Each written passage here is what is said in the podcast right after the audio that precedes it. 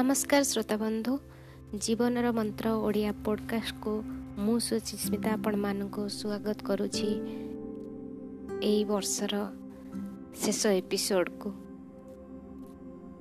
ଆପଣମାନେ ଜାଣିଥିବେ ଆଜି ହେଉଛି ଥାର୍ଟି ଫାଷ୍ଟ ଟ୍ୱେଣ୍ଟି ଟ୍ୱେଣ୍ଟି ଏଇ ଟ୍ୱେଣ୍ଟି ଟ୍ୱେଣ୍ଟି ଆମକୁ ଏ ବର୍ଷ ବହୁତ ଜିନିଷ ଶିଖେଇ ଦେଇ ଯାଇଛି।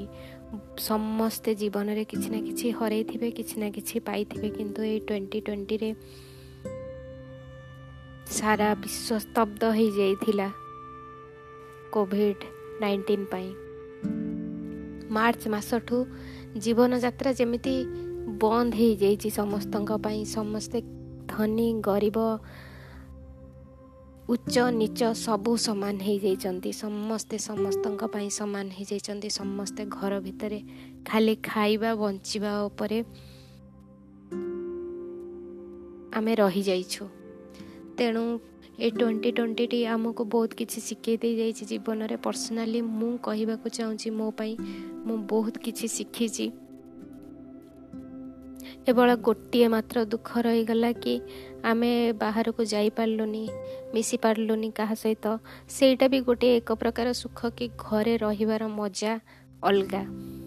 ଘରେ ରହିକି ନୂଆ ନୂଆ ଜିନିଷ ଶିଖିବା ଜୀବନ ଲାଇଫ୍ ସ୍କିଲ୍ସ ବହୁତ କିଛି ଜାଣିଲେ ନିଜ ଭିତରେ କେତେ ଜଣଙ୍କର ନୂଆ ନୂଆ ପ୍ୟାସନ୍ ସବୁ ରହିଛି ଯାହା ଲୁଚିକି ଲୁତ୍କାୟିତ ଅବସ୍ଥାରେ ଥିଲା ତାହା ବି ବାହାରିଲା। ତେଣୁ ମୁଁ ଏଇଠି ଶ୍ରୋତାବନ୍ଧୁ କହିବାକୁ ଚାହୁଁଛି ଯେ ଆପଣମାନେ ଜାଣିଥିବେ ଆମର ଯଦି ସକାରାତ୍ମକ ମନୋଭାବ ରହିଲା ସବୁବେଳେ ତ ଆମେ ଆଗକୁ ଯାଇପାରିବା। ଯଦି ନକାରାତ୍ମକ ମନୋଭାବ ରହିଲା ଆମେ ଯିବା ଆଗକୁ ସମୟ ତ କାହା ପାଇଁ ଅପେକ୍ଷା କରେ ନାହିଁ ଶ୍ରୋତାବନ୍ଧୁ।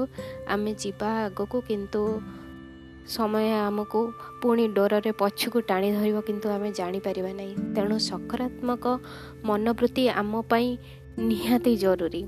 ମୁଁ ତା ଉପରେ ଆପଣମାନଙ୍କୁ ଆଜି ଏକ ସୁନ୍ଦର ଗପଟିଏ ଉଲ୍ଲେଖ କରୁଛି। ଯେଉଁଟା ସେଇ ଶିକ୍ଷାଙ୍କ ୟୁ କ୍ୟାନ୍ ୱିନ୍ର ଅନ୍ତର୍ଭୁକ୍ତ। ତେଣୁ ମୁଁ ଆପଣମାନଙ୍କୁ କହିବାକୁ ଚାହୁଁଛି ଯେ ଏଠି ଡେଭିଡ୍ ଗୋଲିଆତଙ୍କ କାହାଣୀ ରାକ୍ଷସଟିଏ ଗୋଟିଏ ଗାଁରେ ପଶି ପିଲାମାନଙ୍କୁ ଭାରି ହଇରାଣ ହରକତ କରୁଥାଏ। ଦିନେ ସମ୍ପର୍କୀୟ ଭାଇମାନଙ୍କୁ ଭେଟିବାକୁ ସତର ବର୍ଷର ମେଣ୍ଢା ଜଗୁଆଳ ପିଲାଟିଏ ସେ ଗାଁକୁ ଆସିଲା। ରାକ୍ଷସର କାରବାର ଦେଖି ସେ ପଚାରିଲା ଆରେ ତମେମାନେ ସେ ରାକ୍ଷସର ପ୍ରତିରୋଧ କରୁନ କାହିଁକି ତା ଭାଇମାନେ ତ ଆଗରୁ ଡରି ମରିଥାନ୍ତି ସେମାନେ ଜବାବ ଦେଲେ ଆରେ ବାବା ଦେଖୁନୁ ଏତେ ବଡ଼ ଦେହ ତାର ତାକୁ କ'ଣ ମାରିହେବ? କିନ୍ତୁ ଡେଭିଡ୍ କହିଲା ଆରେ ନା ନା ତାର ଦେହ ଏତେ ବଡ଼ ଯେ ତା ଦେହକୁ ଯୁଆଡ଼େ ପାରେ ସିଆଡ଼େ ମାରି ହେବ ତାପରେ ଯାହା ହେବା କଥା ହେଲା ଆମେ ସମସ୍ତେ ଜାଣିଛୁ ଡେଭିଡ୍ କେମିତି ଗୋଟେ ସାମାନ୍ୟ ବାଟୁଳି ଖଡ଼ାରେ ରାକ୍ଷସକୁ ମାରିଲା। ଏକା ରାକ୍ଷସ କିନ୍ତୁ ଗାଁ ପିଲା ଓ ଡେଭିଡ୍ ରାକ୍ଷସର ପ୍ରତି ଆଭିମୁଖ୍ୟ ଭିତରେ କେତେ ଫରକ ଦେଖନ୍ତୁ ଆପଣମାନେ। ଜଣେ ଗୋଟେ ଅସୁବିଧାର କେମିତି ମୁକାବିଲା କରିବ ତାହା ତାର ମନୋବୃତ୍ତି ଉପରେ ନିର୍ଭର କରେ। ସକାରାତ୍ମକ ମନୋଭାବ ସମ୍ପନ୍ନ ବ୍ୟକ୍ତି ଯେ କୌଣସି ଅସୁବିଧାକୁ ସଫଳତାର ସିଡ଼ିର ଏକ ପାହାଚ ହିସାବରେ ବ୍ୟବହାର କରିପାରିବ। ଜଣେ ନକାରାତ୍ମକ ଚିନ୍ତାଧାରା ବ୍ୟକ୍ତି ପାଇଁ ସାମାନ୍ୟ ଅସୁବିଧା ଗୋଟେ ବିରାଟ ପ୍ରତିବନ୍ଧକ ହୋଇ ଛିଡ଼ା ହୁଏ। ଜଣେ କର୍ମଚାରୀ ଯେତେବେଳେ କହେ ମୁଁ ଏ କାମଟି କରିପାରିବି ନାହିଁ ସେତେବେଳେ ତା କଥାର ଦୁଇଟି ଅର୍ଥ କରାଯାଇପାରେ। ହୁଏତ କାମଟି ତାକୁ ଜଣା ନାହିଁ ବା ସିଏ କାମଟି କରିବାକୁ ଚାହୁଁନି। ଯଦି ପ୍ରକୃତରେ ତାକୁ କାମଟି ଜଣା ନାହିଁ ତେବେ ଉପଯୁକ୍ତ ତାଲିମ ମାଧ୍ୟମରେ ସେ ସମସ୍ୟାର ସମାଧାନ କରାଯାଇପାରିବ। କିନ୍ତୁ ଯଦି କାମ ଜାଣି ମଧ୍ୟ କରିବାକୁ ଚାହୁଁନି ତେବେ ସମସ୍ୟାଟା ସେ ଲୋକର ମନୋବୃତ୍ତି ଉପରେ ନିର୍ଭର କରେ। ତ ଏଭଳି କାମ ତାର କରିବା ଉଚିତ ନୁହେଁ ବୋଲି ସିଏ ଭାବେ। ତେଣୁ ଆମେ ଯେଉଁ ସକାରାତ୍ମକ ମନୋବୃତ୍ତି କହୁଛେ ସକାରାତ୍ମକ ମନୋବୃତ୍ତି ଥିଲେ କ'ଣ କରିବ? ସକାରାତ୍ମକ ମନୋବୃତ୍ତି ଥିଲେ ଆମର ଉତ୍ପାଦନର କ୍ଷମତା ବଢ଼ିବ। ଦଳବଦ୍ଧ ହୋଇ କାମ କରିବାକୁ ଉତ୍ସାହ ହେବ। ସମସ୍ୟା ଗୁଡ଼ିକ ସହଜରେ ସମାଧାନ ହୋଇଯିବ। କାର୍ଯ୍ୟର ଗୁଣାତ୍ମକ ମାନ ମଧ୍ୟ ବୃଦ୍ଧି ପାଇବ। କାର୍ଯ୍ୟର ପରିସର ଆନନ୍ଦଦାୟକ ହେବ ସୁଖଦାୟକ ହେବ।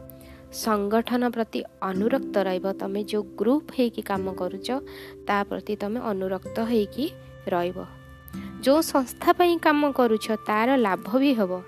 ନିଯୁକ୍ତିଦାତା କର୍ମଚାରୀ ଗ୍ରାହକମାନଙ୍କ ମଧ୍ୟରେ ସୁସମ୍ପର୍କ ସ୍ଥାପନ କରାଯାଇପାରିବ। ମାନସିକ ଚାପ ନିୟନ୍ତ୍ରଣରେ ସହାୟକ ହେବ। ବ୍ୟକ୍ତିକୁ ସମାଜର ଏକ ଉପଯୋଗୀ ଅଙ୍ଗ ଦେଶର ଏକ ମୂଲ୍ୟବାନ ନାଗରିକ ରୂପେ ଗଢ଼ି ତୋଳିପାରିବ। ବ୍ୟକ୍ତିକୁ ଆକର୍ଷଣୀୟ ମଧ୍ୟ କରେ ବ୍ୟକ୍ତିତ୍ୱକୁ ଆକର୍ଷଣୀୟ ମଧ୍ୟ କରିଥାଏ। ଏହି ସକାରାତ୍ମକ ଚିନ୍ତାଧାରା। ନକାରାତ୍ମକ ଚିନ୍ତାଧାରା ରହିଲେ କ'ଣ ହେବ?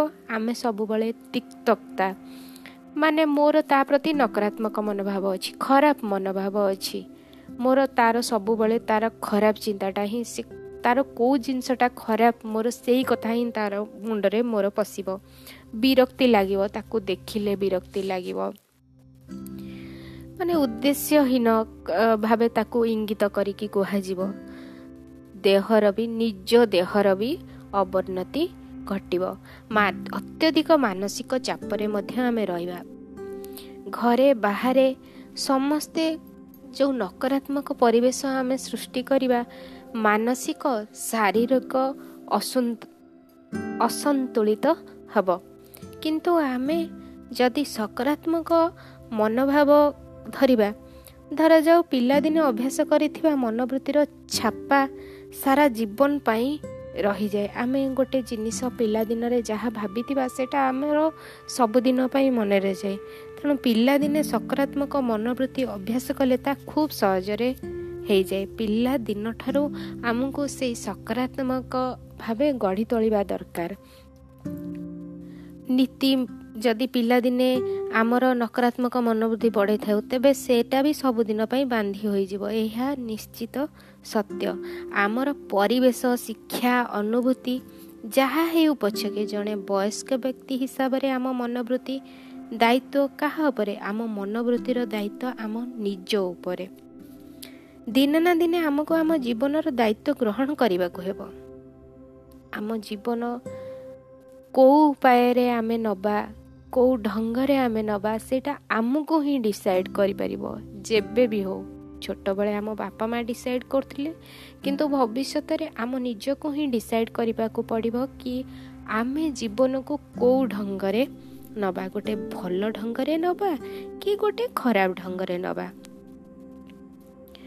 ଆମେ ସବୁବେଳେ ଆମର ବିଫଳତା ପାଇଁ ଅନ୍ୟମାନଙ୍କୁ ବା ପରିବେଶକୁ ଦାୟୀ କରୁ କିନ୍ତୁ କେତେବେଳେ ଦାୟୀ ଦାୟୀ ନିଜକୁ ହିଁ କରୁନାହାନ୍ତି।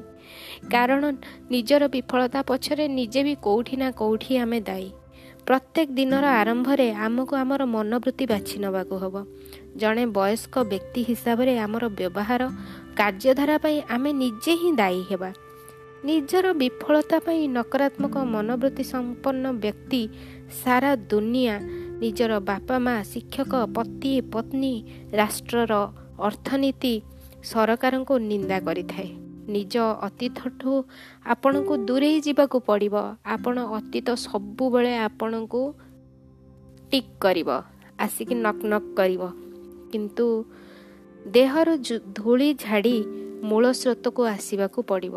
ପୁଣି ପଡ଼ି ପଡ଼ିଥିବା ଗଛଟି ଯେମିତି ତାର ଅଙ୍କୁରଗମ ହୁଏ ବର୍ଷା ପାଣି ପାଳିଲେ ସେମିତି ଧୂଳିରେ ଯଦି ପଡ଼ିଯାଇଥିବ ପିଲାଟି ଝାଡ଼ି ଝୁଡ଼ି ହେଇକି ଚାଲେ ସେମିତି ଆମେ ଯଦି ଅତୀତରେ କେଉଁଠି କୁଠାରଘାତ ପାଇଥିବା ପଡ଼ିଯାଇଥିବା ଆମକୁ ପୁଣି ଆଗକୁ ଯିବାକୁ ପଡ଼ିବ। ଏହି ଯାତ୍ରାରେ ଯାହା କିଛି ସତ୍ୟ ବିଶ୍ୱାସଯୋଗ୍ୟ ଓ ଉତ୍ତମ ଠିକ୍ ସେଇ କଥା ଗୁଡ଼ିକ ହେଜି ହେଲେ ଆମର ସକାରାତ୍ମକ ମନୋବୃତ୍ତି କର୍ଷଣ କରିପାରିବା।